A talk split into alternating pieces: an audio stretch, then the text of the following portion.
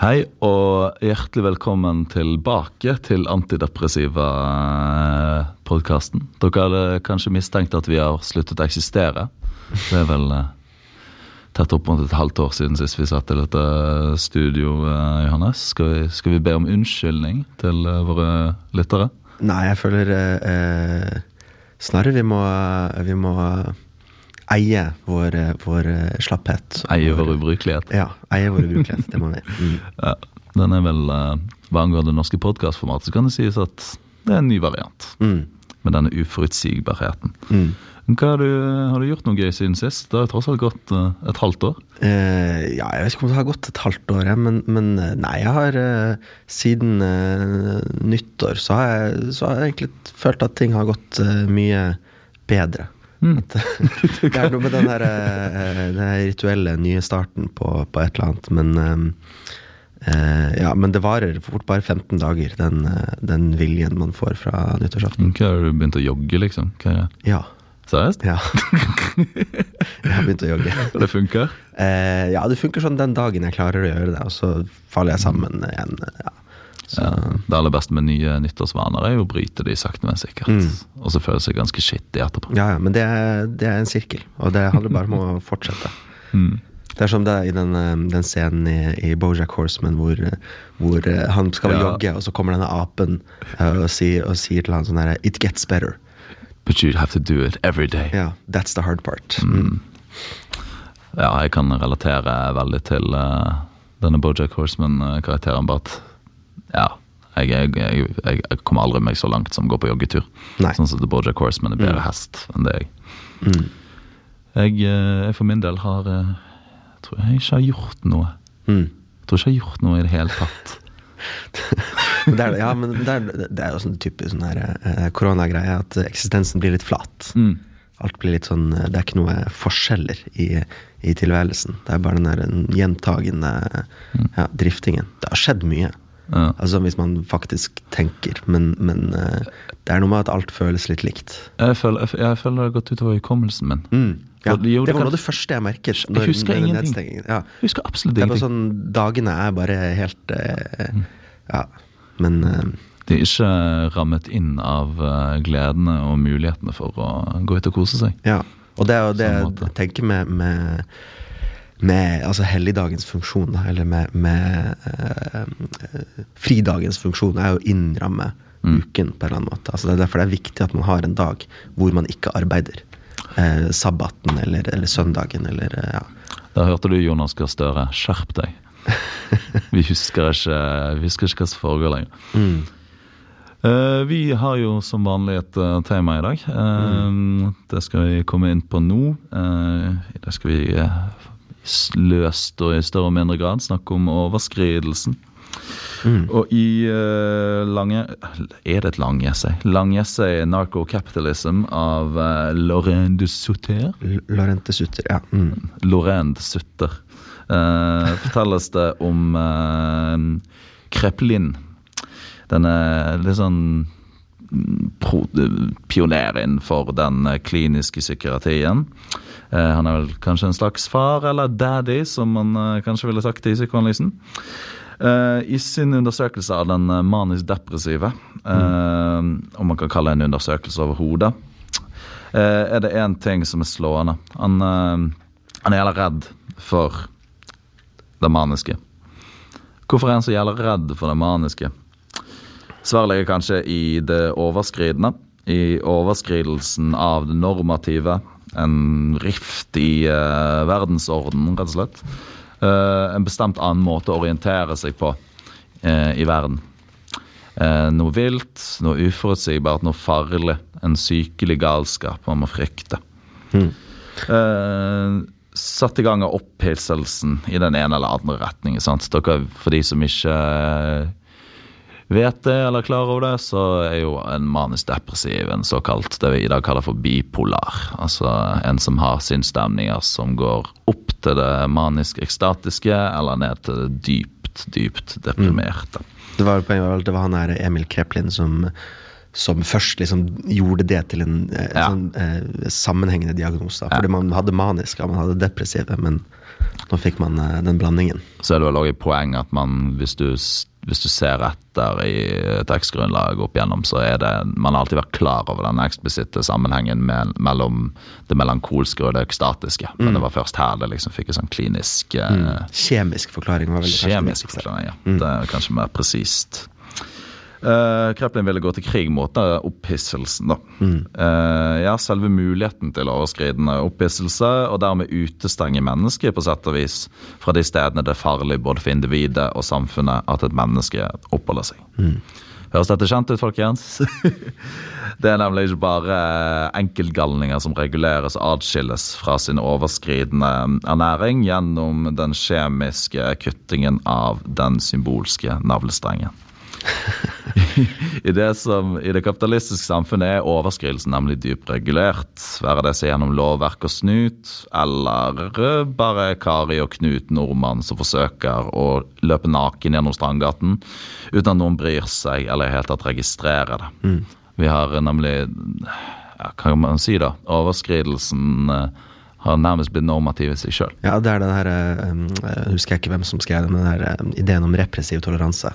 At, eh, som vel også eh, Solstad skriver litt om det der med at, at eh, selve overskridelsen bekrefter bare systemets liksom, toleranse. Så hvis du, det at du får lov til å løpe naken gjennom gaten altså Nå er ikke det lov, da, men, men, eh, men, men det at det, det liksom eh, eh, eh, Altså man har den her frie, frie Altså det er derfor um, eh, det å ha det, talefrihet, eh, ytringsfrihet, er viktig for eh, opprettholdelsen av systemet. Altså det, det bekrefter at det er tolerant, og dermed at all kritikk av det på en eller annen måte er illegitim.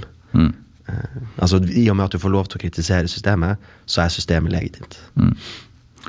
Så når man da sitter der på Lindmo med sin eh, selvskadingsgrøt, mens uh, lider av et menneske i oppløsning er like normativt noe som alt annet, rett og slett uttømte tegn på eh, domskjermen eh, Så det må noe som slår en. Det virker som om selv for kunsten så synes ikke overskridelsen være mulig lenger. Jeg vet ikke om du har sett den, men det er et eh, program nå eh, på NRK der han her eh, som hadde lisenskontroller lisenskontrolløren, tror jeg det het. Ja. Han har liksom laget sånne kunstnerportretter med der et utvalg på seks norske kunstnere skal liksom gå i dialog med sitt store forbilde. Være det seg samtidig i form av f.eks. For Bjarne Melgaard, eller mer fortidig som Edvard Munch. Og det, det fikk meg til å tenke, sant? eh, hvem er det som egentlig lar seg sjokkere av daiene til Maria Pasnau? Der hun jogger seigt langs uh, Er det et innslag i det programmet? Ja, ja. Hun, det er et kunstverk. Ja, okay. Der hun jogger liksom langs disse her smale enveiskjørte Hardangerveiene på Statskanalens nye serie. Uh, kunne egentlig Bjarne Melgaard bare kappet av seg kuken på TV, og kulturen liksom fortsatt synes jeg like seig og ensformet heterogen. Like eh, liksom preget av den grå litiumståken av likegyldighet og eh, ja, egentlig systematisert overskridelser. Er overskridelsen umulig i dag? Og hva er egentlig overskridelsen eh, for noe, Johannes? Eh, ja, hva er overskridelse? Rett på sak. Eh, eh, ja, nei, jeg, jeg, for jeg tenkte bare sånn en liten anekdote først. Jeg tenkte på det her eh, For det finnes jo den type kunstverk som, som på en måte vil være eh, overskridende. Sånn som det her eh, som det har vært så mye snakk om. Det er dansk kunstner som, som eh, fikk en halv million kroner fra, fra liksom staten for å lage et kunstverk, og så, og så eh, produserer han liksom en tom ramme, og så kaller han det for 'Take the money and run'. Hardcore. Ja, ja, ja, men, men eh, eh, som, som jo på en måte er skal liksom være provoserende, men, men, men eh, hvordan på en måte den liberale offentligheten har reagert på det, er jo sånn her Ja, dette har vi sett før, og dette Ja, ja, dette, dette Ja, er det, det, i det, er liksom pissoar, eh, ikke det? Jo, det er liksom eh, Det er ikke noe, det er ikke noe kraft i den dadaismen der lenger, men, men samtidig så eh, eh, eh, liksom, altså Jeg har inntrykk av at, av at eh, det om den på en måte liberale offentlige kommentariatet ikke lar seg provosere av kunst, så, så har jeg litt mer inntrykk av at når du, når du tar si, disse urbane kunstnerne og putter dem ut på bygda, da blir det, da blir det provokasjoner. Ja, ja, gud. Altså, er ikke det, er ikke nærmest en sånn fallitterklæring at det mest provoserende eller overskridende en norsk kunstner i dag kan gjøre, er å flytte til Odda? ja. Det, det. Ikke, ikke, det å liksom ta bilde av dagene sine hver eneste dag, men det å faktisk flytte til bygden, det er det som er den virkelig sånn uforventede overskridende. Mm. Ja, nei, eh, men, men, det um, For å gå tilbake til narco-capitalism, da. Eh, så er på en måte tesen til han Laurente Sutter er at, eh, er at eh, eh, Altså, den, den den liksom kjemiske, det kjemiske blikket på, på mennesket. da, eh, eller, eh, altså for den Psykoanalysen der har på en måte den tanken om at mental helse og mental sykdom det handler om eh, det handler om psyken. ikke sant, Og psyken har vi kun tilgang til gjennom språket. Mm. Eh, eller sånn heidegransk sånn eh, Mennesket bor i språket. Men med liksom Kreplin og flere andre så får man liksom denne kjemiske eh, blikket på mennesket. At mennesket reguleres gjennom kjemi. For, for målet her i den, denne nye forståelsen av i motsetning til psykoanalysen er vel ikke at mennesket skal uh, kureres eller komme til innsikt. Det er vel mm. mer at det skal bli passivisert? Ja, ikke? altså fordi at det som, det som er med, med den manisk-depressive, er at den er Eh, den er kjennetegnet av liksom det, det Lorente Sutter kaller excitement. Mm. Altså, og excitement er å komme fra det her eh, eh, altså det å gå ut over seg selv. Da. Det å være eh, eh, På en måte være i, i, i si, I følelsenes vold? Ja, eller i, i, i eksternale, eksternale følelsers vold. Altså et, et, et, rasjonelt og godt menneske er i seg selv, på en måte. og, og, og, og Eh, forvalter sine egne grenser på en måte hvor, hvor man ikke overskrider disse grensene. Mens den manisk-depressive nettopp ikke klarer å forholde seg til grensene sine. Mm. Eh, eh går utover seg selv. Og da, da, finner man jo opp det liksom eh, antidepressiva, da, som, som og, og, ulike former for eh, eh num, altså, måter å numme denne eh, excitementen på, eller opphisselsen ja, på. For, for, akkurat med altså Nå er det i moderne kontekst, vel å merke, men akkurat dette med mannsdepressivitet Jeg har jo man jo hatt samme eh, kjemiske stoff man har brukt i behandlingen egentlig i over 100 år. sant? Mm. Og det er jo nettopp det som kjennetegner dette litiumet som man mm. bruker. at det er ikke sånn som antidepressiva at det eh, regulerer ned enkelte følelser for å la andre slippe til. Det mm. bare senker hele totaliteten. Mm, mm. Det senker, senker, ikke bare de depressive følelsene, eller regulerer de depressive følelsene, men det mm. regulerer alt. Mm. Altså, og poenget er da at man skal bli en passiv tilskuer til sine egne eh, affekter. At mm. man at eh, eh For jeg tenker det som kanskje kjennetegner altså den, det manisk-depressive. Det er på en måte at det er en viss nytelse i både det maniske og det depressive. på en måte, At det er en form for man, man ja, som du sier, er i sine følelsers vold, er, er med på sine affekter. Mens mm. en, en, mer velregulert person kan observere sine egne affekter eh, eh som en passiv tilskuer mm. til det. Eh, og bare sånn eh, ta rasjonelt hensyn til det. Mm. Eh, men, men eh, poenget til Lorente Sutter er at, er at dette her er ikke bare en, en, si, en, en måte å fikse eh, liksom, eh, folk som er syke på. Det er også et blikk på mennesket. Hvor dets liksom altså Det han kaller Som har på en måte også en liksom metafysisk blikk på mennesket, hvor, hvor det handler om å grunne mennesket i seg selv, på en måte. Heller enn en, kanskje en annen tanke om mennesket, hvor man er eh, alltid liksom eh, utover seg selv og flyter, er i fluksus da, med, med andre eh, elementer. Det er liksom Et velregulert og godt menneske er et menneske som er ontologisk grunnet i seg selv og ikke går utover sine egne grenser. Eh, og, og, så, ideelt sett en Odysseus som aldri forlater Ithaka? Ja, ja, du skal på en måte tilbake til Ithaka. Eh, Eh, å komme deg eh, tilbake i det velregulerte. Og, og, og, det er det han kaller liksom, the policing of ontology. Mm. At, at eh, menneskets liksom, ontologiske grenser må, må de må opprettholdes. De må, litt sånn som norskegrensen, den må håndheves. Da. Mm. Må, hvis ikke så er det ikke en grense. Eh, og, og, og, han forbinder det også til eh, altså Både til den massen, altså fordi at eh, omtrent samtidig som denne kjemiske eh, blikket på, på eh, menneskelig mental lidelse osv. Så kommer, så kommer også eh, massen som, mm. som, fenomen opp. Altså med en gang eh, den politiske agensen ikke lenger kommer liksom fra Gud, slik den gjorde i monarkiet. ikke sant? Mm. Eh, det kommer fra liksom folket. Så blir det også viktig for, for eh, de politiske ingeniørene, da, eller de intellektuelle osv., og, på en eller annen måte håndheve folket. Ja, for, for har, har, denne gode gamle eh, holdt på å si protopsykiateren har han, har han noe politisk agenda med, eller et eh, et mål med denne reguleringen av mennesket? Er det en del av et større menneskeideal, en del av politiske idealer, eller er det bare noen noen nerd som sitter og prøver å fikse et enkelt problem. Ja, altså det er jo, ja, jeg tror poenget er at han er en del av en logikk da, som, ja. som, preger,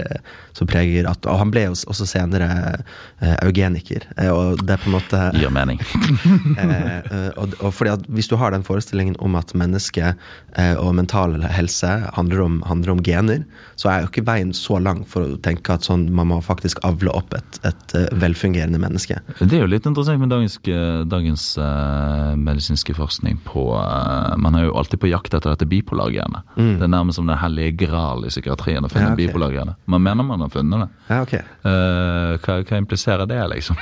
ja, nei, altså Da er det jo mest rasjonelle å hva heter det, sterilisere Altså, jeg er helt for sterilisering av alle bipolare, bare sånn det er sagt. ja, rolig nå. men men um, um, uh, ja, altså at uh, Eh, eh, den, den Uh, og det, det, på en måte ja, Man skal jo ikke nettopp ikke i psykoanalysen ikke sant, så skal man på en måte komme fram til innsikt om, om sitt ubevisste og sånne ting, og på den mm. måten bli et bedre menneske. Mens, mens her så er det det her med at liksom, man skal befeste seg i sin egen væren. sånn at man mm. blir liksom stabil og trygg i egen væren. Fordi at excitement er nettopp det er farlig. altså Det rykker jo folk ut av den posisjonen de har. Mm. Eh, og du må på en måte få dem inn igjen i denne eh, posisjonen. da.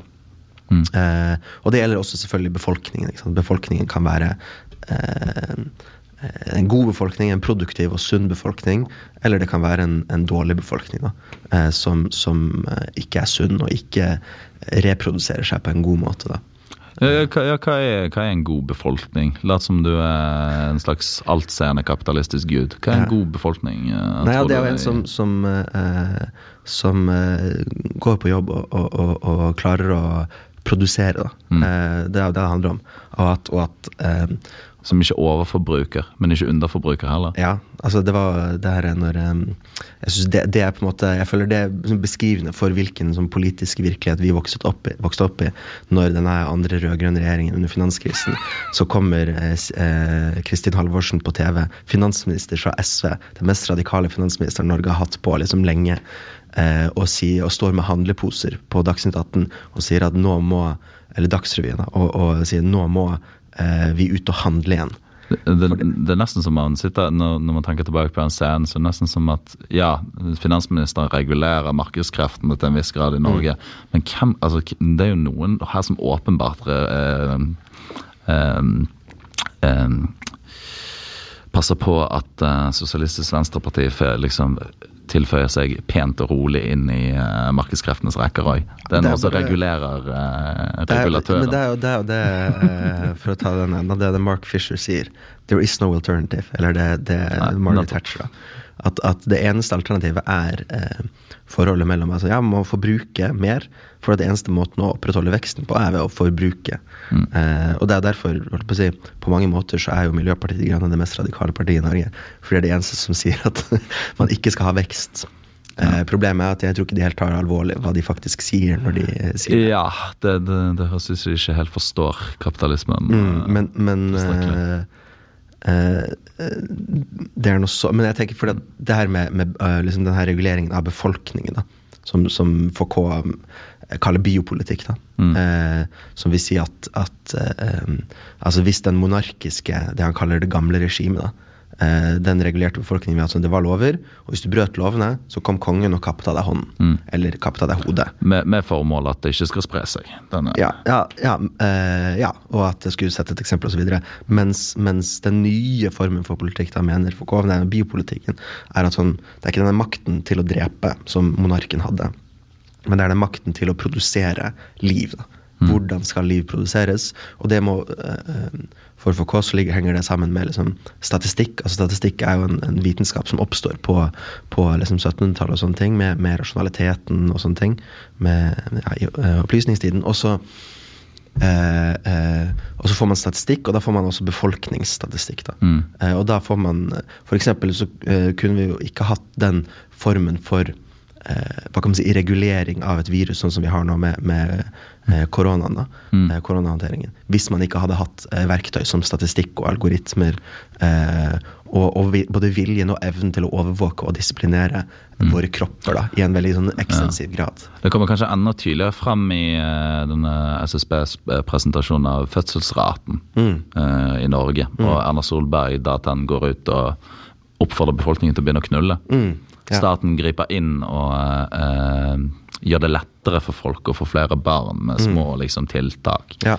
Eh, barnetrygd osv. Fordi at, fordi at eh, befolkningen må reprodusere seg. Eh, og arbeidskraften må reprodusere seg, og, og den politiske liksom eh, Altså det er, det er liksom folket som har den politiske eh, makten. På, I hvert fall det er i hvert fall tanken. Eh, og derfor må, må man regulere og disiplinere og produsere denne befolkningen. Mm. Eh, og, og, sånn, altså, sånn, eh, biopolitikk er litt sånn Det er litt vanskelig, for det er ikke noe utelukkende negativt. på en måte. Altså Det er jo bra at man ikke har en makt som kapper av folk hodet. på en eller annen måte. Det er bra at man, Ja. har, en, at man har en makt som, som, eh, som eh, er mer opptatt av å produsere liv enn å produsere død. Eh, men eh, samtidig så har det noen sånne konsekvenser da, som eh, eh, eh, for, for både Foucault og Agamben og flere andre som på en måte har undersøkt det er biopolitikk, da, så er på en måte nazismen er biopolitikkens liksom ekstreme. Eh, at, at det er, Der har vi en stat som, som altså, hvis formålet er å produsere en sunn og frisk og, og, og god befolkning. Ja, for der, der tas det jo nesten til, sånn, eh, til ytterste konsekvens. Ja. At det er ikke bare snakk om å eh, produsere liv, Mm. eh, eller opprettholde liv. Det er òg snakk om hva liv man skal ha. Sånn. Mm, ja, som, som jo alltid er spørsmålet eh, også, men, men uten å sammenligne eh, Men det er jo derfor, det er derfor tror jeg, da, altså hvis man skal forstå sånne antivaksere og, og sånne folk som, som sammenligner eh, koronahåndteringen med, med en eh, holocaust og sånne ting, som er sånn Ikke gjør det, vær så snill. Eh, så, så, Bare la være. ja, ja, men, men, men det er på en måte Logikken er på en måte den samme, da, uten at, uten at det er et sammenligningsgrunnlag godt nok. på en måte, For mm. den logikken finnes i alt mulig rart. på en måte. Eh, men, men Så det det er jo ikke sånn at det er ikke fordi ja, det det er i hvert fall en sammenligning som på en måte eh, tar tar én ting som er på en måte Ja, det er biopolitikk, det er koronahåndteringen, men det er ikke nazisme. altså Logikken er et skjørere parameter enn logikeren tror. Ja, det er eh, Det er eh, Ja. Men, men eh, eh, men det Lorente Sutti sier, at denne biopolitikken også har en, sånn, at det er en psykopolitikk. Da. Du må regulere folks syke og folks eh, Som selvfølgelig er altså, Det ser man jo i Norge i dag. Det er mye snakk om at politikerne må gjøre noe med, med, med liksom, depresjoner og angst og, sånne ting. da. Eh, eh, og, og, og ifølge Laurente Sutter så, så er kapitalismens måte å løse eh, eh, problemet på ofte nu, å numme. Fordi eh, når du nummer eh, folks eh, opplevelse av sine egne affekter, så, så får du dem også tilbake i folden. Mm. De må komme inn i folden. Men det, det, det kommer vi sikkert tilbake til senere, men det er jo en hårfin balansegang. sant? Du risik- altså, En uh, fullstendig passifisert uh, borger er jo ikke nødvendigvis en god arbeider. sant? Nei, det, det er også et veldig viktig poeng. At du, du vil jo ha eh, Altså, folk må jo være eh, Altså, du må ha begjær for å gidde å stå opp om morgenen. Du må ha vilje til å, til å Altså, du må, du må ønske en ny bil. Du må ønske et nytt hus. Du må være altså, libidinalt eh, investert i økonomien. Ja, du, må, du, må, du må høre liksom tonene av uh, Bruce Springsteen på hjernen din når du går på jobb. Det er ikke det amerikanerne kaller uh, working class democrat. Den her, fantasien om uh, den her sympatiske arbeiderklassekisen som står opp for å skaffe liksom, mat på bordet. og eh, Lever og ånder av ren eh, arbeidende kjærlighet til sin Ja, familie. Ja, ja. For han arbeider ikke for sjefen, han arbeider for familien. sant? Ja, ja. Men, men, og det, som jo er uh, sympatisk nok, spør du meg. Det, det er sympatisk, men det er jo òg på eh, til en viss grad regulerende. Men, men det er på en måte litt av poenget her, tenker jeg. At, at, at eh, reguleringen altså reguleringen handler om nettopp å, å ja, produsere begjær, men også eh, forvalte begjær på en sånn måte at det ikke blir excited. da. Mm. Altså fordi den For mye excitement. Mm. Det er liksom, Jeg sier det på det engelsk, for da har du det excitare. ikke sant? Mm. Det går ut av seg selv. Sant? Eh, Det, det er jo derfor disse karakterene i Bruce Springsteen-sanger de går alltid ut på fredagskveld, og Mm. ikke på mandagsmorgen. Ja, det er viktig at, det er viktig at folk ikke går ut på mandagsmorgen. Eh, for da, da blir det veldig lite eh, produksjon. Mm. Eh, ja, og, og så, fordi at Han har liksom flere kapitler i den boken også. Det, det første handler liksom om det her eh, utviklingen av det som kalles depressants, da, eller, eller depressiva. Som er uh, altså, som, som hemmer folks oppfatning av sine egne følelser. Og så går han, Neste kapittel er også eh, snakker han om liksom kokain og speed og sånne ting, da, som også er, altså, er tett knyttet til framveksten av moderne kapitalisme. Mm. Eh, I Tyskland, f.eks., når du blir for den der megaindustrialiseringen etter første verdenskrig. Eh, og liksom moderniseringen av alt. Så oppdager, sånn som eh, Freud og flere andre, oppdager liksom kokain som en måte hvor ens egen eh, ens egne affekter og ens egne følelser blir litt mindre viktige. Mm. At det er sånn, eh, det er bare power on true. liksom. Du kan bare, eh, Som blitskrig, ikke sant? Mm. Du kan, og det ser man jo også i, i eh, altså hva, hvilket, hvilket dop er det som kjennetegner liksom finanskapitalismen? Mm. Og det er kokain. Mm. Eh, hva er det som kjennetegner liksom, de her workshopene i Bangladesh og sånne ting? Jo, det er speed. Mm. Altså det er amfetamin, liksom. Eh, fordi at da kan du ignorere dine egne affektive eh, følelser. da. En for hemming av eh, reseptorene. Ja, altså Alle som har møtt en skikkelig sånn dyploddet speedfreak, Mm. merker jo det umiddelbart at det, som mangler, er jo eh, ofte selvfølelse og skam. Ja. Sant? Ja, ja. Så fremt man er ruset. da. Ja. Skammen kommer etterpå. Men ja, eh, men også, men også bare det behovet for søvn, behovet for mat, behovet for uh, alt det som uh, holdt på å si, Marx kaller the reproduction of labor value. Mm. At, at kapitalisten er alltid nødt til å betale arbeiderne en viss sum for at eh, arbeiderne skal klare å reprodusere seg. Mm. Eh, mens med eh, sånne ting som kokain og speed, og sånne ting, så, treng, så går prisen på reproduksjon går ned drastisk. for du trenger ikke spise, du trenger ikke sove. Nei, det gjør ikke det. Eh, men trenger bare lite å gå og si. ja, trenger bare uh, og, og det, da, en da får du det, det sånn, Deleuze og Guattari snakker om det her smooth space. Altså Kapitalismen vil produsere liksom friksjonsfrie rom, Mm. hvor, hvor kapitalen kan gå så fort som overhodet mulig. Fordi at kapital som står stille, rep, altså blir jo ikke større. Du Mm. må ha bevegelse, og for at du skal ha bevegelse, så må du ha eh, Og det som kanskje gjør mest motstand av alt, det er jo kroppen. Kroppen er bare motstand, liksom. Mm. Eh, når du spiser, får du vondt i magen. Altså, det, er bare, det er motstand hele veien. Mens, eh, mens eh, disse rusmidlene, disse depressants, de kan hemme eh, friksjons... Eh, ja. Ja, det, det er litt interessant, for er ikke det et av sånn eh, hovedtrekkene i dagens eh, kapitalistiske samfunn er at selv kroppen gjøres friksjonsfri. Selv den, det er alle, kroppen på sitt mest sånn eh, ekle og vulgære har liksom ikke noe friksjon i seg lenger. Du ser du ser eh, fedme på forsiden av VG. Du ser kroppen Altså selv den såkalte stygge, uestetiske kroppen gjør, tas inn i det friksjonsfrie. Alt er greit. Ja. Ja, ja, det er på en måte kanskje Ja, fordi at alt blir bare bilder. Mm, alt blir bare overflate, på en måte. Eh, og så den, den eh, Det som faktisk er med, med si, når du har akne eller altså fedme altså, Det er jo også opplevelse altså, det, er en, det er jo kanskje en kjip erfaring mm. fordi du har vondt i, vondt i magen og vondt i ryggen. For, vondt for i, kapitalismens mål har jo alltid vært å kvitte seg med ubehag, kanskje? jo, kvitte seg med ubehaget. og, og når det ikke funker med at alle skal liksom bli sånne her eh, eh, tynne, rene, pene modeller, Mm. som man så kanskje på når du ser disse husmorsreklamene fra 60-tallet. Mm. Når man skjønner at det er ikke en del av virkeligheten, så prøver man å inkludere alt i, til, i, i dette refleksjonsfrie Ja, og ubehag er jo nettopp altså det som skjer, det som eh, eh, altså For meg er jo det altså mot, det er der motstand ligger. Det er det opplevde ubehaget med en tilstand. Der ligger også muligheten for eh, motstand. Ja, eh, og, og den på en måte motstanden blir jo borte eh, når man, når man eh, skal lage dette liksom friksjonsfrie rommet. Da. mm.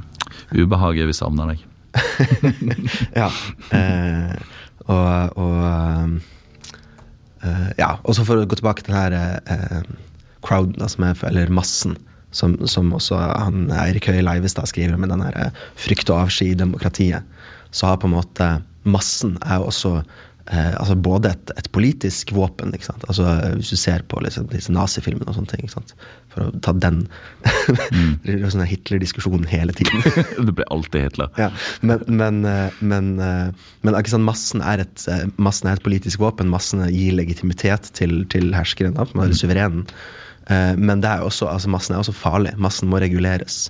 Eh, og massen har dette liksom virologiske aspektet. ikke sant? Altså, eh, han her eh, Gustav Le Bon, som skrev liksom masse om massepsykologien da, på 1800-tallet, han, han beskrev også det at eh, altså massen er et sånt uh, uh, Det er ubehaget i demokratiet. Altså Demokrati er liksom forestillingen om det gode folket. Folket som er politisk ansvarlig for seg selv. Men det har også alltid denne Hvis du får en masse, og hvis den blir for excited, for ut av seg selv, på en måte, da får du også Da får du pøbel. Da får du mobben. Ja. ja, altså rett og slett feil masse, da. Man Mm. ser jo kanskje det er ganske tydelig nå med disse her koronademonstrasjonene. Mm. Som man eh, ganske forståelig egentlig altså ikke har valgt å uh, omtale i media så mye når det har vært Mm. store demonstrasjoner. Jeg husker jeg var på vei hjem på tog til, fra Oslo. Mm. Det var en sånn stor demonstrasjon utenfor eh, Det var sikkert noen hundre stykk liksom, Ja. utenfor eh, Jernbanetorget. Men det sto ikke om det i avisen. Nei. Det er jo eh, Jeg kan jo forstå det i stor grad. Altså, det er jo Det er jo selve den der Hva skal jeg kalle det? Ubehagelige mobben. Som, ja. som det, det er rett og slett et virus man ikke ønsker å spre seg, ironisk nok, denne massen her. Ja, ja, ja. ja. Og, det, og det er jo eh, si, også massens mål. er jo også å spre seg. Sant. eh, og bli Definitivt. større. Eh, eh, og jeg tenker også på med, det strøm det De er ulike opprørene som har vært i Norge i det siste. Altså strømopprør, og så har det vindkraftmotstanden. Eh, som er på en måte som politikere ikke helt vet hva de skal gjøre med. Men, men så finner man liksom måter å liksom koble seg på, måter å, å si, gi et talerør til denne massen, som også får det rasjonalisert og inn i en politisk diskurs da, som kan, som kan eh, brukes. Eh, Det syns jeg er litt funny med denne, denne strømprisopprøret. Mm. Fordi vanligvis når noen demonstrerer for noe i Norge, eller noen streiker for noe i Norge, så blir man alltid eh, man inngår kompromiss, man blir fornøyd med å få litt. Men her er det liksom politikerne har kommet i en sånn situasjon der absolutt alt man gjør, er bare feil. Og fordi man aldri helt klarer å gjøre nok, så, blir det, så blir det enda mer feil. Det er bare en Ja, situasjon som eskalerer og eskalerer. eskalerer. Men det, men det er jo fordi at altså det, det strømprisopprørerne ber om, er bare sånn Vi vil ha politisk kontroll over eh, kraften. Og det er sånn Og, og så er Arbeiderpartiet sånn det, det, det får dere ikke, altså. Det tar jo godt. Vi er villige til å betale mange milliarder kroner for at dere ikke skal få politisk Mm. kontroll. Men det funny der er at hvis de innfrir alle ønskene til eh, demonstrantene i morgen, Mm. så hadde fortsatt befolkningen i Norge vært piss forbanna på politikerne. Ja, fordi at, Den, fordi at det er en eh, opplevelse av at man ikke eh, har tatt, det- blitt tatt helt på alvor, da. Men du Jon Gahr Støre ansett oss som dine spinndoktorer? Ja, det er, det er målet med podkasten. Å bli spinndoktor. Faen, det har vært jævlig fett å være spinndoktor. Ja, ja. Jeg, føler, jeg kjenner flere som har jobbet, eh, jobbet eh, i f.eks. Arbeiderpartiet. Ja. Kule folk. Ja. Arbeiderpartiets virologer.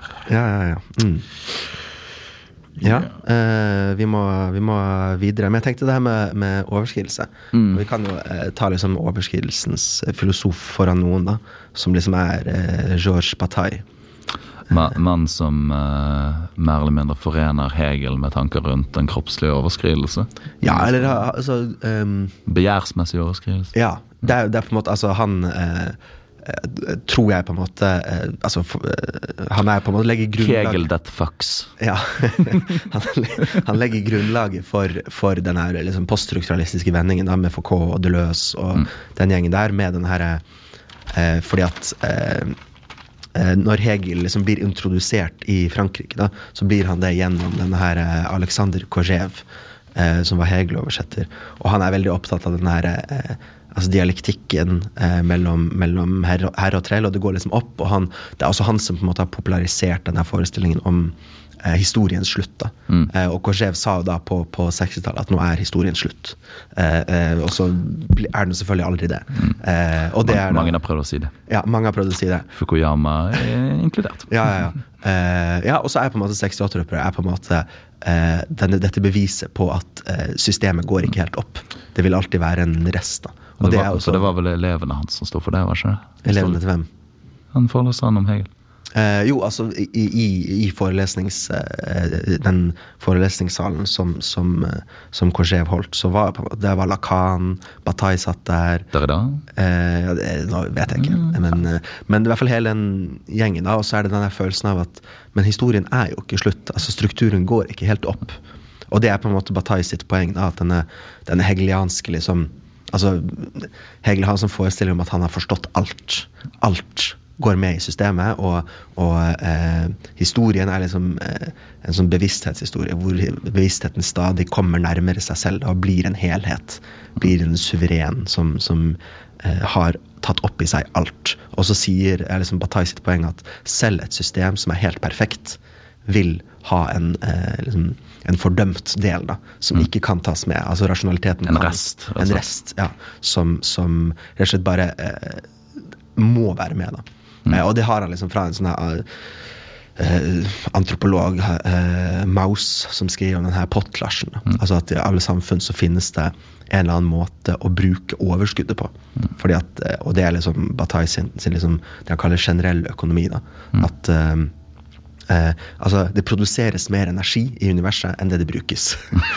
Altså, men det, det er fascinerende. altså, Man hører jo at Lacan og Bataille har sittet på samme forelesninger i stor grad der. Mm. Han er jo, Lacan er jo opptatt av denne over, denne resten Ja, den resten som ikke kan på en måte konseptualiseres. Da, på en måte, det som viker unna. Ja, eh, og, og for Bataille så er det viktig at, at man slik eh, Altså at alle mennesker i samfunnet må bruke denne liksom resten på en eller annen måte. Fordi hvis resten ikke brukes, så oppdannes det en sånn her, eh, overskuddsenergi i samfunnet mm. som får destruktive følger. Sånn som eh, altså vold generelt. Krig. Ja. Krig er for Bataille et uttrykk for et samfunn som ikke har funnet en måte å eh, eh, bruke resten på. Da. Og det er liksom pottklasjen, eh, som Maus skriver om, den her, eh, hvor man møtes og liksom bare brenner ting, eller, eller eh, overskuddslager av korn, eller, eller gir hverandre store gaver som ikke har noen betydning, osv. Eh, eh, at- og ofringer, da. Altså den her, det å helle ut litt vin. Eh, hver gang du drikker vin, på en måte. Og, og selve det og også og den på en måte overskuddet kan tenke for eksempel, tenker jeg at, at helgefylla i Norge det er den, det er den ritualiserte overskridelsen Mm. i Norge som, som sørger for at det, vi produserer mer enn vi trenger, men vi drar ut på lør, hver fredag og lørdag og bruker av overskuddet. Kaster det ut på gatene, rett og slett. eh, Som et slags eh, kompromiss med menneskesjelen sjøl. ja, at, at man må, man må eh, bruke denne resten på en eller annen måte. Og så, eh, ja, har han også det her systemet han kaller liksom eh, Hegels system for homogent. da. Alt går liksom inn i den rasjonelle diskursen, men så er det alltid det heterogene. Det som ikke kan tas med. da, Som er på en måte døden. Mm. Eh, det at man skal dø, eller det at, det at eh, eh, Ja, at, at det er på en måte eh, At selve overskridelsen i seg selv da, er, et, er et mål. Eh, sånn for eksempel i sånn erotisk lek og sånne ting. Har også, ja, det, må, det må være en overskridelse i enhver form for eh, eh, samfunn. Ja, det er vel en grunn til at mange har hevdet opp gjennom at eh, både Lacan og Bataille for så vidt fyller ut det som mangler hos Hegel. Mm. Fyller ut Hegels rest. Ja. si. Ja, og, og eh, ja, i den her um, eh, inner experience så snakker han liksom om, om eh, eh, Eller den indre erfaringen. da. Så snakker han om uh, Bataille. Snakker om at han liksom sitter og, mediterer og på en måte prøver å liksom få, eh, eh, liksom få eh, skjønne alt. Altså ta alt inn i et sånt homogent system. Eh, men så på en måte vil det kollapse. Og det tenker jeg ofte en sånn god metafor her er på en måte eh, altså Guds omnipotens. Eh, det at han vet alt. Men det Gud ikke vet, det er at det er, han vet ikke hvordan det er å ikke vite alt. Bum, bum, bum. ja, men det er liksom eh, eh, Man vet eh, Gud vet ikke hvordan det er å, å forholde seg til manglende informasjon. Sånn som alle andre skapninger gjør. da. Eh, Ei heller det moderne mennesket. Ja. Nei, og, og det er jo da ifølge sånn, denne tanken her, så, så er jo eh, det er derfor på en måte Gud sender eh, Jesus, eller blir til Jesus, da. Eh, sender oss sin sønn. på en måte. Det er for å erfare hvordan det er å være eh, å være holdt på å si, ikke potent. Ikke Ja, for, for frelsen er jo på mange måter en ultimate overskridelse. Mm, Det er jo overskridelsen som overvinner synden. Liksom. mm, mm. Og synden er jo denne mangelen. Det at vi mangler. Eh, det at vi ikke vet alt. Det at vi, det at vi ikke eh, har kontroll over oss selv osv. Eh, men så kommer vi da til denne ja, omnipotente guden eh, når, vi, når vi dør. Eh, Og den dagen blir helt strålende. Eh, det tror jeg vi alle ser eh, frem til. ja. Eh, men jo, det er jo Altså, for å ta det ned på et helt sånn konkret nivå eh, Mm. altså, ikke det mest sånn eh, Du sier at det, det eneste Gud, den omnipotente Gud ikke kan vite, er det å ikke være allvitende. sant? Mm. Eh, og det er vel nettopp der denne kanskje den mest sånn her potente uh, overskridelsen ligger. Det er det som ikke går opp i eh, systemet. Når du ser f.eks. denne Bartleby the Scrivener-karakteren. Mm. Når han virkelig Det som virkelig er radikalt, er at han ikke faller inn under denne dikotomien av ja Mm. eller nei, eller mm, vite og ikke vi- allvitende eller ikke-vitende. Mm. Eh, han sier uh, 'jeg foretrekker Mm. I would prefer not to. Ja. I would prefer not to. Ja, og det, da, da uh, Vi kan ta det liksom for de som ikke kjenner historien. da. Eh, eller Jeg tror vi har vært innom han før. Har vi det? Ja, jeg tipper det. Ja, ok, Han er i hvert fall, han er i hvert fall kopist på i, eh, Det er vel Wall Street eller noe sånt. Han jobber, han jobber yeah. på et advokatkontor, i hvert fall, og så er han kopist for en eller annen advokat. Og så og så, eh, og så eh, driver han og kopierer dokumenter, og så en dag så kommer liksom sjefen og sier han eh, vil, eh, Kan du eh, eh, kopiere den her for meg? Sier han I would prefer not to. Mm. Og så, og så eh, på en måte Blir advokaten enormt fascinert, fordi det faller utenfor hans rammeverk. Ja, for han sier ikke nei. Nei, Han sier bare 'jeg ville foretrukket å ikke'. Mm. Så, det er jo Men det henspiller vel litt på denne eh, filosofiske kynikeren Diogenes, eh, som Ja. kjenner til. ja, ja, ja. For han, han, eh, for de som ikke kjenner til han, han eh, flytter vel inn i en tønne Mm, og trekker er seg helt ut av mm, ja. Trekker seg fullstendig ut av samfunnet. Mm. ja og, og han er liksom det er Men han er fortsatt i samfunnet. Ja, men det er den, den, den kyniske liksom, filosofien da, som, som jeg tenker på det, det han Peter Sloterdijk sier om, om den, den moderne kynikeren kontra liksom den greske gamle eh, Eh, kynikeren. bare kort gjennom det. Han har vel to former for uh, kynisme. Ja, Det er liksom den, den eh, greske kynikeren som, som tar utgangspunkt i liksom naturen. Altså Mm. Det at vi alle sammen driter og pisser og spiser. Og, og eh, formålet med det gode liv er på en måte å ta hensyn til den naturen. da, Menneskenaturen. Eh, som også selvfølgelig liksom, eh, man ser med sånne naturtilstander til, til eh, John Locke, f.eks. Den forestillingen om at i naturtilstand så er mennesket godt. Det er likt. Altså Vi er Så, så, like. så rett og slett en kynisme hinsides moral. Ja. Eller menneskelig moral. Ja, at det er sånn der, Alle de systemene dere lager, alle de moralske, etiske systemene, det betyr ingenting. Mm. Det er bare tull. Det er bare dritt. Jeg tar ikke hensyn til det. Så det er sånn anarkisk eh, kynisme. da. Nærmest litt sånn barokt. Ja, det kan man si. Ja, litt sånn uh, mm. Eh, eh, mens, mens den liksom moderne kynikeren, da, ifølge Sloterdijk, uh, er kjennetegnet ved at uh, han eller hun ikke anerkjenner liksom, systemet. Mm. Eh, slik man slik eh, liksom, Vi er sånn eh, Fuck kapitalismen, men, eh, men cola er jævlig godt. Eh, Yes. Sniff. ja, ja, ja. ja det er Sloterdijk Nei, eh, sånn der. Men, men um, eh, Jo, og at man eh, uten å anerkjenne systemet allikevel jobber for å få fordeler innenfor det. Da. På en måte Man spiller spillet Mm. fordi at man ser gjennom det. Eh, og så, men så bare eh, eh, fordi at man ser gjennom det, så tar man ikke og sier nei til systemet, men man, man på en måte bare Man omfavner det. Ja. Eh, Man, man, man lærer seg spillereglene. man lærer seg spillereglene, og så spiller man spillet. Og det er en annen type kyniker. Eller det vi, det vi tenker på som en kyniker. ikke sant? Altså en som Petter Stordalen, kynikeren. rett og slett. Ja, altså en som eh, eh, Ja, jeg vet ikke Jeg tror Ja, Petter Stordalen of, tror på Wolf of. Wall Street, kanskje.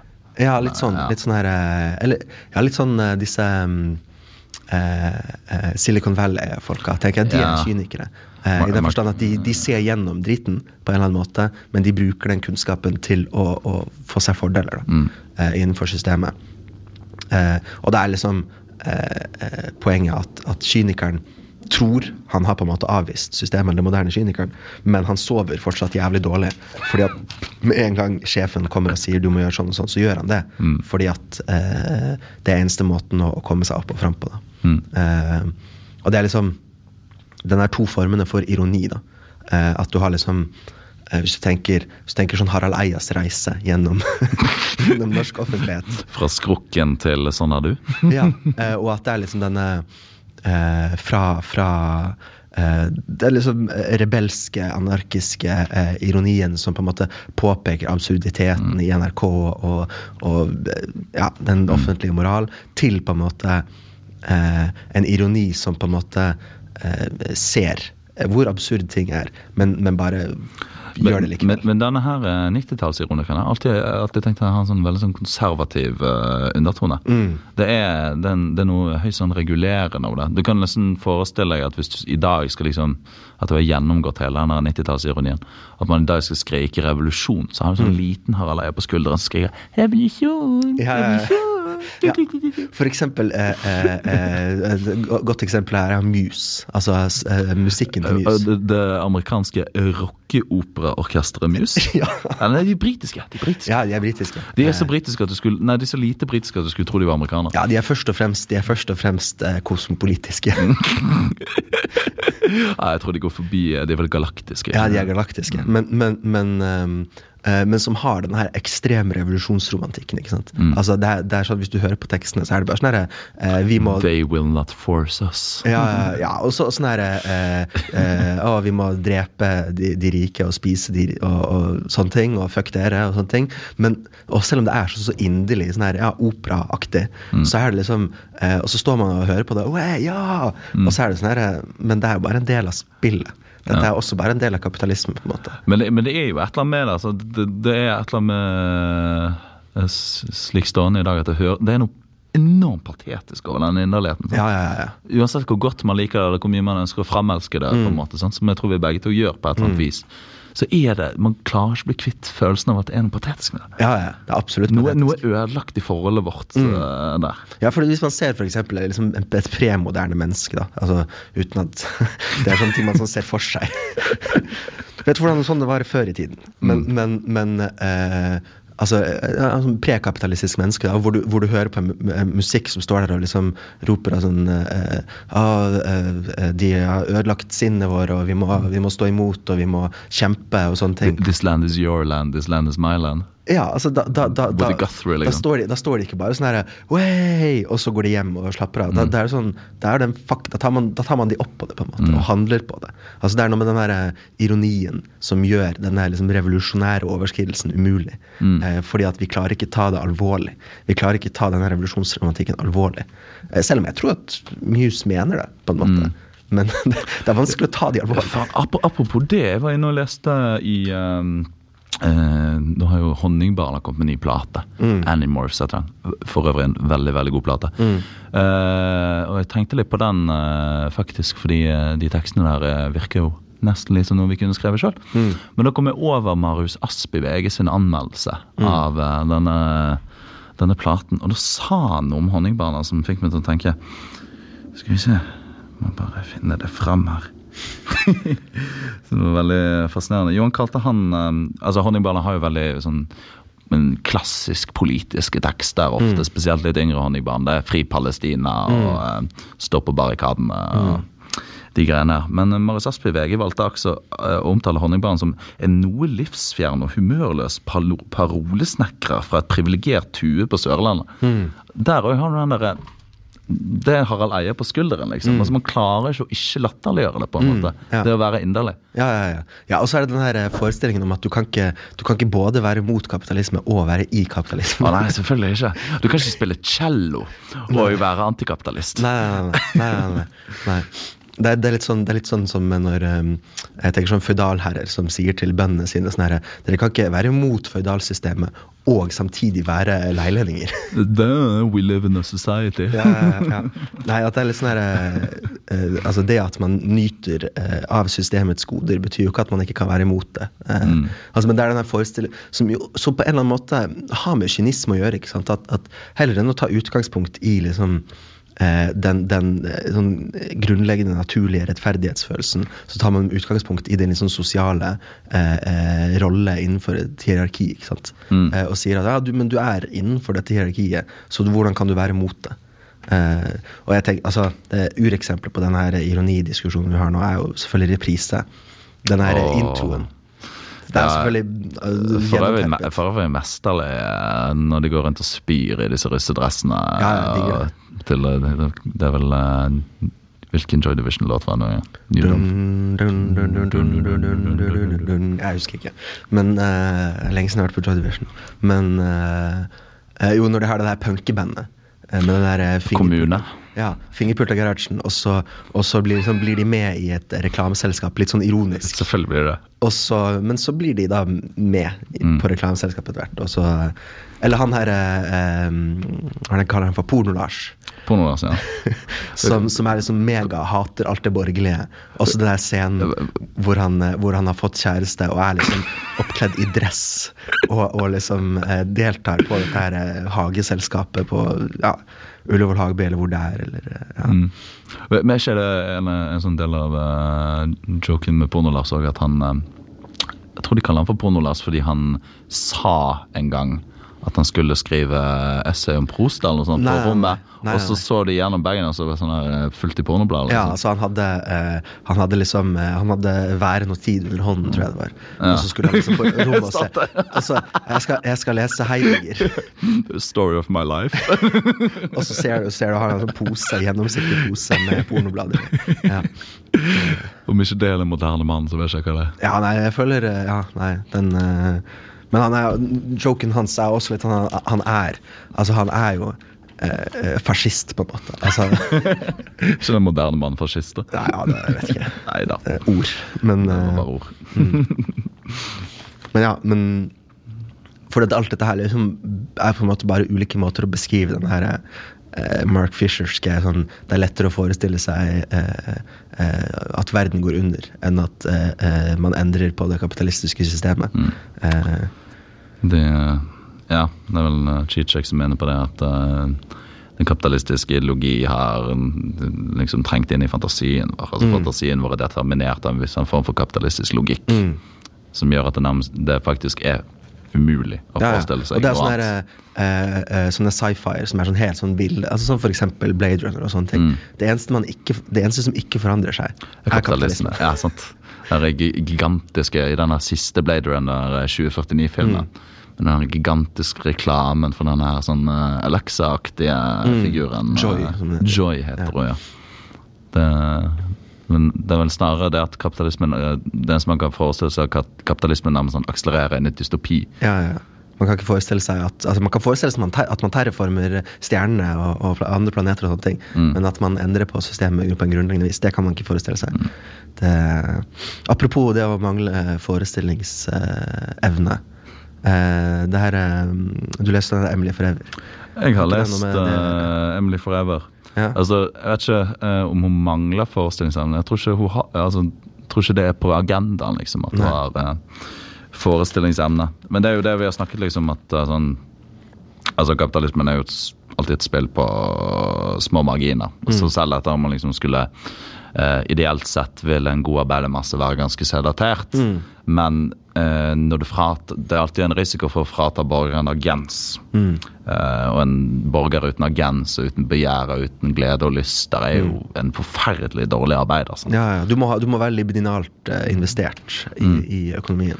Men denne hovedpersonen i Emily Forever, Emily uh, Hun er sånn jeg leser henne i hvert fall. Uh, nå ser jeg at det har vært veldig vanlig å lese i krit Den kritiske resepsjonen det som en sånn rørende, nær og inderlig klassefortelling. Men jeg ser ikke helt det, altså. Jeg føler mer en fortelling om et subjekt som er fullstendig ekskludert fra, kapital, uh, fra kapitalens diskurs. da. Hun kan ikke begjære verken eh, mennesker eller varer eller uh, det å skulle liksom komme seg opp og fram i livet eller endre livssituasjoner, Altså, det er ingenting der. Mm. Emily bare er. Mm. Det, det er ingen agens. Og hun har så lite agens at hele romanen veldig sånn tricky narrativt messig strukturert, men eh, Emily forteller, tar aldri ordet sjøl og forteller aldri om sin egen situasjon sjøl. Det er alltid noen som forteller for henne. Det er alltid noen, eh, en forteller, en romanforteller som fortolker Emily. Vi får ikke helt tak på Emily, for det er så lite sånne ytre kjennetegn å få ut av Emily. Eh, det er en morskikkelse som fortolker Emily, det er snuten som fortolker Emily. Eh, blant annet Emily blir tatt inn i politiavhør for å snakke om typen sin, som er sånn smålanger uten noe håp. Men selv der så forstår hun ikke helt hva som skjedde. Hun, hun, hun, hun kan ikke svare på det. Ja, hva, hva, hva, har du merket noe tegn på at denne typen langer, liksom? Nei, jeg vet ikke, jeg. Hun vet faktisk ikke. Har ikke peiling, har aldri tenkt tanken. Ehm, så er jo på mange måter sånn ikke om du er helt enig med det, men nå er jo på mange måter det motsatte av Tikons uh, Young Girl. eh, Som er vel nettopp den kvinneskikkelsen som i stor grad behersker uh, en- en kapitalismens språk til det fulle. sant? Og evner å utnytte dette og komme seg opp og fram eller eh, Ja, eller Rundt. ja, altså ikke, ikke så mye utnytte som, som eh, eh, på en måte er et produkt av, på en måte. Altså Hvis du tenker eh, eh, altså Jeg syns alltid Coca-Cola-reklamene er så flotte, fordi at de er så, eh, de er så tydelige i sin, i sin på en måte eh, altså- formspråk. ja, formspråk. da, At, at det er liksom eh, Det er folk som er lykkelige og pene eh, og, og, og har sunne og gode vaner osv. Og, Mm. eh, og den er på en måte eh, Og poenget med Tikkun sin eh, Young Girl da, er, er på en måte Som vi har fått mye kritikk for, men vi har vært inne på det før, har vi ikke det? Jeg tror vi alltid har vært inne på det meste. Ja, men, men eh, at, eh, at eh, de har liksom Det er et resultat av den intensive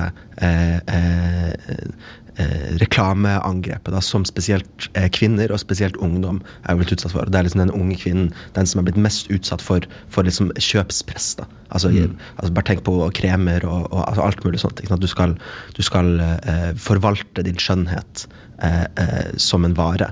Eh, og, og når man blir fortalt at man skal forvalte sin skjønnhet som en vare, og man må igjen, blir fortalt at du er først og fremst definert ut fra å være en vare som du skal eh, forvalte på en god måte, eh, så begynner man også å se på seg på den måten, og andre begynner å se på deg på den måten.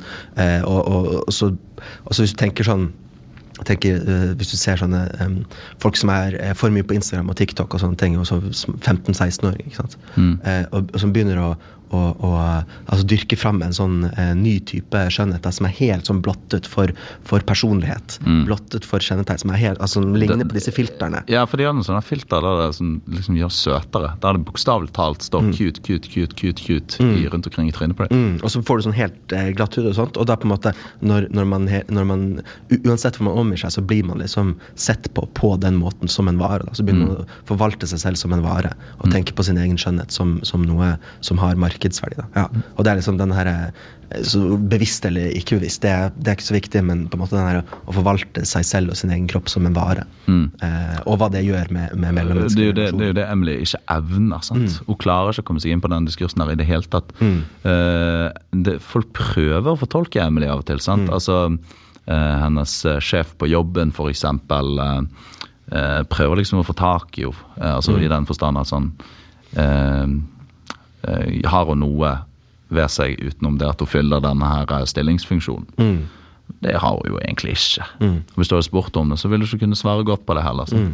Eh, jeg vil bare sånn eh, kjapt eh, lese et kort lite avsnitt fra boken. Som egentlig eh, ikke, Det nærmest sånn kommenterer litt eh, eh, lesningene man kan ha av denne boken. eh, fordi altså, tilsynelatende, hvis du bare ser eh, på handlingsforløpet og hvem Emily er, så, så er jo hun en høygravid kvinne som har blitt forlatt eh, av sin uh, slaur av en kis, og, uh, men liksom klarer seg gjennom hverdagen. Så men Det går an å lese henne som en sterk kvinneskikkelse. Men eh, jeg syns samtidig det unnviker veldig det. Jeg vil bare lese. Eh, for øvrig Maria Navarska Avanger, hvis vi glemte å si forfatter. Man tenker kanskje at Emily er en sterk og tydelig kvinneskikkelse. Men nei, Emily er svak, svak. I kroppen fordi hun er gravid, og hun er sykemeldt snart også. Leggene er tynne, tynne. Hodet henger fremover. Også svak i vesenet sitt, som flyter ut. Nå flyter det virkelig, og det er derfor Maravan, altså sjefen, har satt frem en stol til henne på jobben. Ja.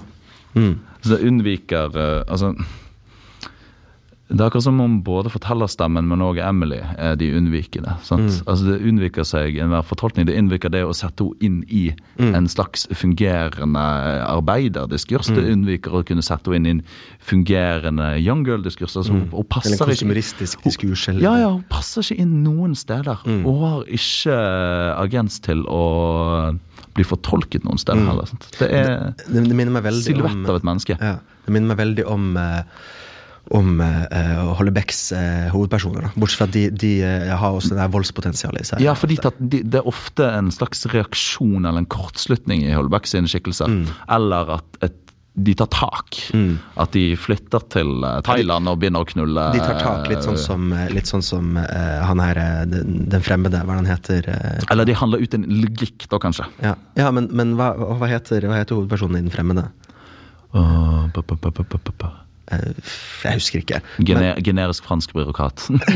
Ja, eh, eh, som som eh, eh, åpenbart er inspirert av. Eh, hvor han liksom Han tar tak ved å på en måte Merceau. Merceau. Ved, å, skyte denne personen på stranden. eh, litt sånn helt ut av det blå. Eh, Fordi han får solen i øyet. fordi han får solen i øyet. Som er sånn eh, Ja, han gjør noe, men det, liksom, det virker ikke som det er han som gjør det, så mye som han på en måte reagerer impulsivt på, på stimuli. Eh, og det er liksom øh, Ja.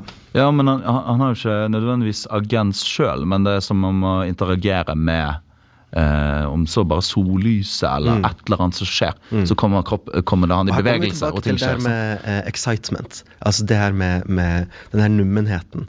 Eh, altså For det som kjennetegner si, Merceau og kanskje eh, Emily, er denne nummenheten. Mm. Den her eh, manglende, eh, manglende eh, identifiseringen med sine egne følelser og med sin eget begjær og med sine Mm. egne tanker.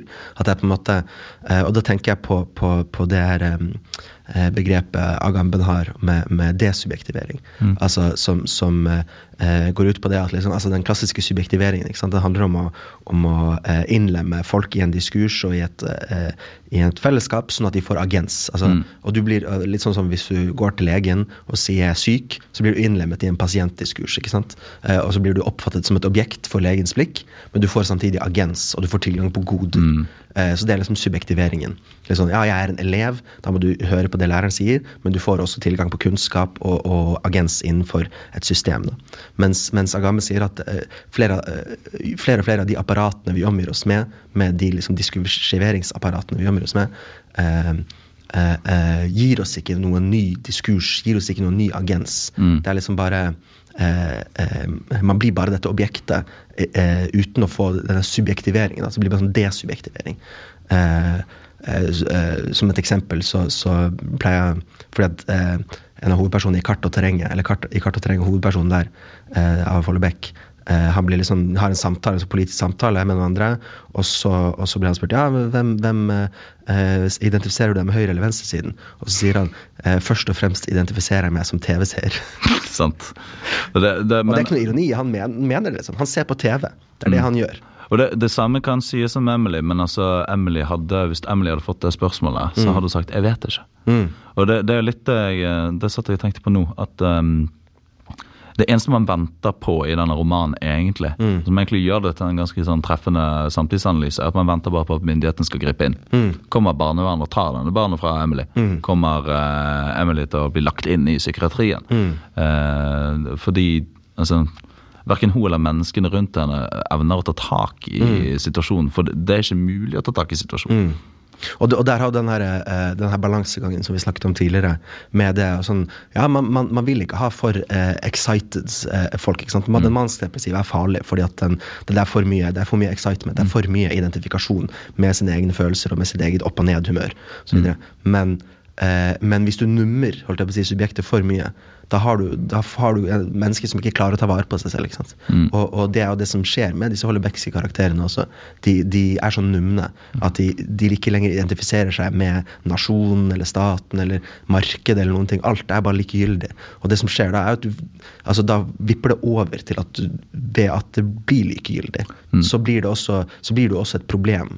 Eh, eh, i, i eh, systemet. Altså du, du har, produserer ikke lenger, du, du eh, Det, det, konsumerer ikke lenger. det var jo kanskje noe man eh, aldri kunne sett for seg i eh, på 2030-tallet at Thomas Mann skulle være den modernisten som best predikerte fremtidsmennesket. Men det var jo det. Altså, Mm. Fremtidsmennesket og modernitetsmennesket er jo uh, høyfjellshotellsmennesket. Det Mm. som s- går rundt og øh, går tur og er lystig og Mm. interagerer litt med mennesker rundt seg. Men altså, det er alltid en sånn statsapparat som kontrollerer at han ikke har for høy feber og ikke for lite feber. Mm, ja. Og opererer innenfor bare disse her rammene som er satt av Mm. det stedet han oppholder seg på. på sett og vis. Ja.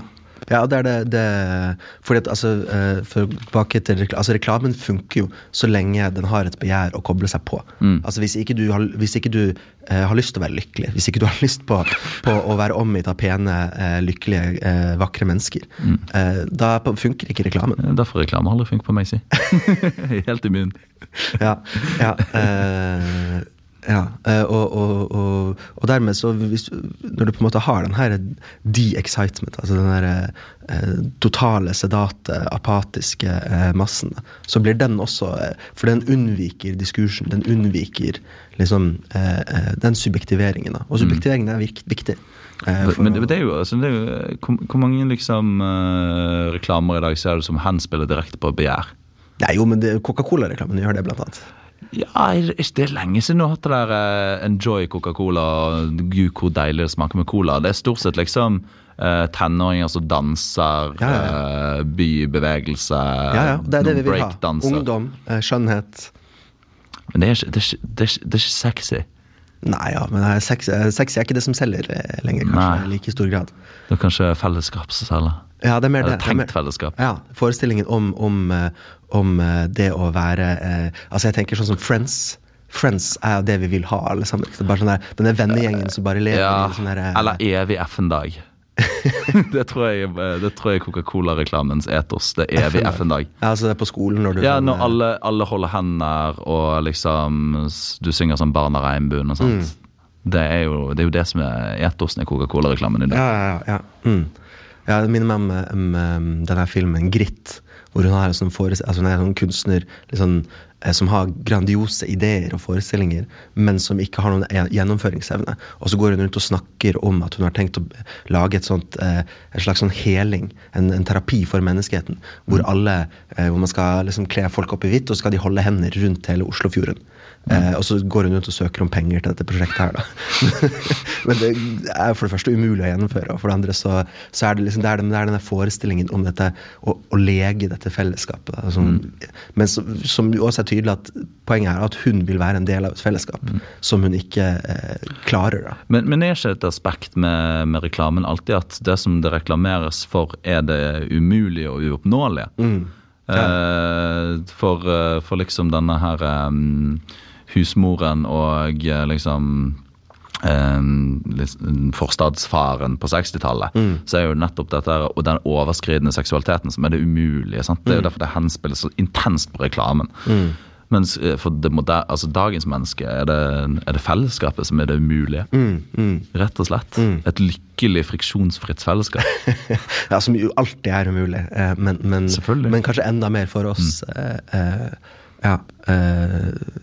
Ja, det eh, Men som en, som en um, avslutning her, da, så kan vi jo ta uh, Fordi at um, i denne narco-capitalism, for å gå tilbake helt til begynnelsen der, så, så uh, skriver han også om liksom nattklubben, da. Mm. Uh, og at, at den er på en måte Altså, det er veldig der har du nettopp den her eh, voldsomme liksom, opphisselsen, begeistringen. Altså den, den eh, nattklubbens teknomusikk og det å forsvinne i Eller miste seg selv i den massen osv. Eh, men samtidig så er det jo nettopp eh, Det er jo gjennomregulert på en eller annen måte. Mm. Eh, og så har du, altså I, i teknomusikken ikke sant, så ligger, ligger det maskinelle altså, eh, som, som, Og det maskinelle tenker jeg er både en, en sånn Maskinelt og monotont. Ja. Like monotont som liksom eh, endeløs jokking i misjonær. Ja. eller, eller, eller som jeg tenkte, da. Den, denne eh, liksom Modern Times-filmen til, til, til Chaplin hvor, hvor, Forklar. hvor han eh, liksom står på samlebåndet der og blir på en måte eh, de her spasmiske, gjentagende eh, eh, rytmene som, som kjennetegner samlebåndet, Mm. den tar man liksom med ut i sin fritid også, ut på dansegulvet. Altså Du ser for deg liksom Chaplin stå der og dung, dung, dung, og så kommer du på klubben, og så er det dung, dung, dung. Altså det fortsetter. Det er ganske fint bilde å forestille seg Chaplin på, på nattklubb. Ja, ja, ja. Eh, Det, det er Modern Times Chaplin, eller hva den heter. eh, Rampen. Eh, er det Brampen eller Småen? Sm ah, jeg husker ikke. Eh, Småen er kanskje The Kid. Ja, ja, ja. Nei, det er liksom Whatever. karakterer som glir over hverandre, men um, uh, men, men jeg tenker jo fordi at i den rytmen, da, i denne uh, maskinelle rytmen, så ligger jo både eh, utopien og dystopien i det moderne samfunnet. Mm. Altså, uh, Ja, det, har en dobbelthet ved seg. ja, både den, både den forestillingen Altså Nattklubben er jo den forestillingen om at, uh, om at når maskinene har tatt over, når de har tatt over alt arbeidet Det vi skal gjøre, er å danse og ta, og, og ta dop og ha sex, på en måte. Det er den der totale hengivelsen altså til fritiden og til gleden og til massen osv. videre Men samtidig så ligger det jo også den her dystopiske forestillingen om at det er vi som blir maskiner. Det er vi Ja. som blir maskinelle og, og liksom fortapt i den rytmen. Men samtidig er ikke det sånn Forestiller du egentlig ikke et rave når du snakker om nattklubben? For, for, liksom sånn, for raven er jo frigjørende på alle mulige slags sett. Mm. Altså det, det er illegale dop og det er illegalt lokale, og det, musikken er nærmest mer maskinell enn den som fremføres på nattklubber i dag. Mm. Mens nattklubben for meg er liksom det, det minst det, det For meg er det ren regulering. Mm. Det er begjær som er så regu... Altså Bare ta deg en tur ned på Landmark, så det er kanskje det minst kåte stedet i hele Bergen by, liksom. Ja, jo, men Berg- Landmark er litt sånn det dårlige dårlig lokale for en nattklubb. Det er for lyst og det er for åpent. For mange hipstere. Ja, det også. Som, som er selve epitomien av regulert atferd. Ja, ja, det er jo ja, det ja. hipsteren er. ja, ja, ja. Eh, ja, det er sant. Eh, eh, ja, ja, Raven og den på en måte Ja, og der lå det jo på en måte Kanskje ligger det fortsatt en, en form for sånn forestilling om, om om ja, en, en eller annen form for kollektiv utopi. Da, eh, i eh, En kollektiv overskridelse. Eh, Altså Raven var jo den siste kollektive overskridelsen. mm. Går ikke Ja. si? Jo, altså tenker du på liksom eh, den britiske rave-kulturen. Ja, ja. ja. Ja, ja, ja. Jo, absolutt. Jeg, Men- jeg tenker jo at det fortsatt finnes elementer her og der. ikke sant? Altså, men, ja, selvfølgelig. men Men, det har jo blitt assimilert inn Ja, ja. i Altså det har blitt eh, det er, ikke, det er ikke overskridelse lenger, det er gass, og den overskridende gassen. Mm. Ja, Hvis du tenker på sånne steder som Bergheim, eksempel, Ja. som er på en måte det, det, det emblematiske stedet for, for liksom denne nattklubbkulturen, da, som, som, som eh, samtidig er sånn, eh, bygger på overskridelse. Altså Hele greiene handler om overskridelse. Mm. Men, men det er også den her, eh, og så har du den her eh, utkasteren som liksom eh, sånn Nei, du får ikke være med, du får være med, som, som ingen klarer helt å forstå. Det er hele poenget. ikke sant? Du må jobbe for å fortjene og, og må ikke du stå på venteliste i sånn 40 år for å komme deg Nei, det, det, det, det, nei, det er ikke noe på venteliste. Jeg tror det er bare sånn du, du møter opp, og så, og så hvis du ser kul ut, så får du slippe inn. Hvis, Mm. hvis han ikke liker trynet ditt, så slipper du ikke inn. Liksom. Så vi hadde ikke sluppet inn? Eh, det kan godt hende. men, men, men det er liksom ja, denne overskridelsen som en sånn rituell gest som egentlig bare underbygger eh, det bestående samfunnet. Mm. Samtidig som det alltid i enhver overskridelse også ligger et revolusjonært potensial som kan frigjøres, da, eh, Det- tenker jeg. det- Også i I nattklubbkultur. genuin overskridelse, i uh, overskridelse som tenderer mot frelsen, tror jeg det finnes et revolusjonært Ja, men jeg, potensial. jeg, jeg tror det, jeg tror Men, men jeg tror ikke, jeg tror ikke altså, den regulerte overskridelsen, altså overskridelsen som ren gest, Mm. som en slags sånn eh, ekko av overskridelse. Mm. Eh, Coca-Cola-overskridelsen, rett og slett. Altså, det finnes jo ikke ekte fellesskap i en Coca-Cola-reklame, men det finnes bilde av fellesskap. Ja, ja, ja. Men, men så lenge, så Der, lenge er ikke, der føles det bare antirevolusjonært Jo, det altså. er det jo, men, men, men jeg tenker det ligger altså, i bare bildet av overskridelsen. I bildet av det gode samfunnet, i bildet av det gode fellesskap, så ligger det også en sånn en utop, utopisk drøm, da, som, som selvfølgelig bare underbygger.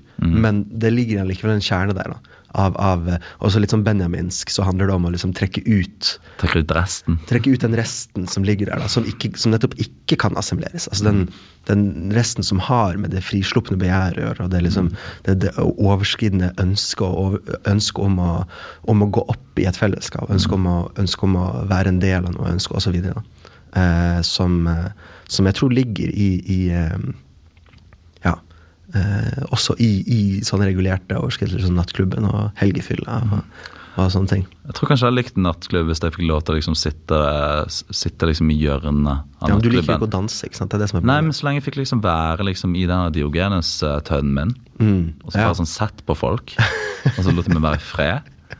Men hadde matet meg med øl, da, selvfølgelig, Ja, ja, ja. overleve. Men uh, Mm. jeg tror jeg kanskje jeg hadde likt uh, konseptet vesentlig bedre. Ja, kanskje. ja. Mm.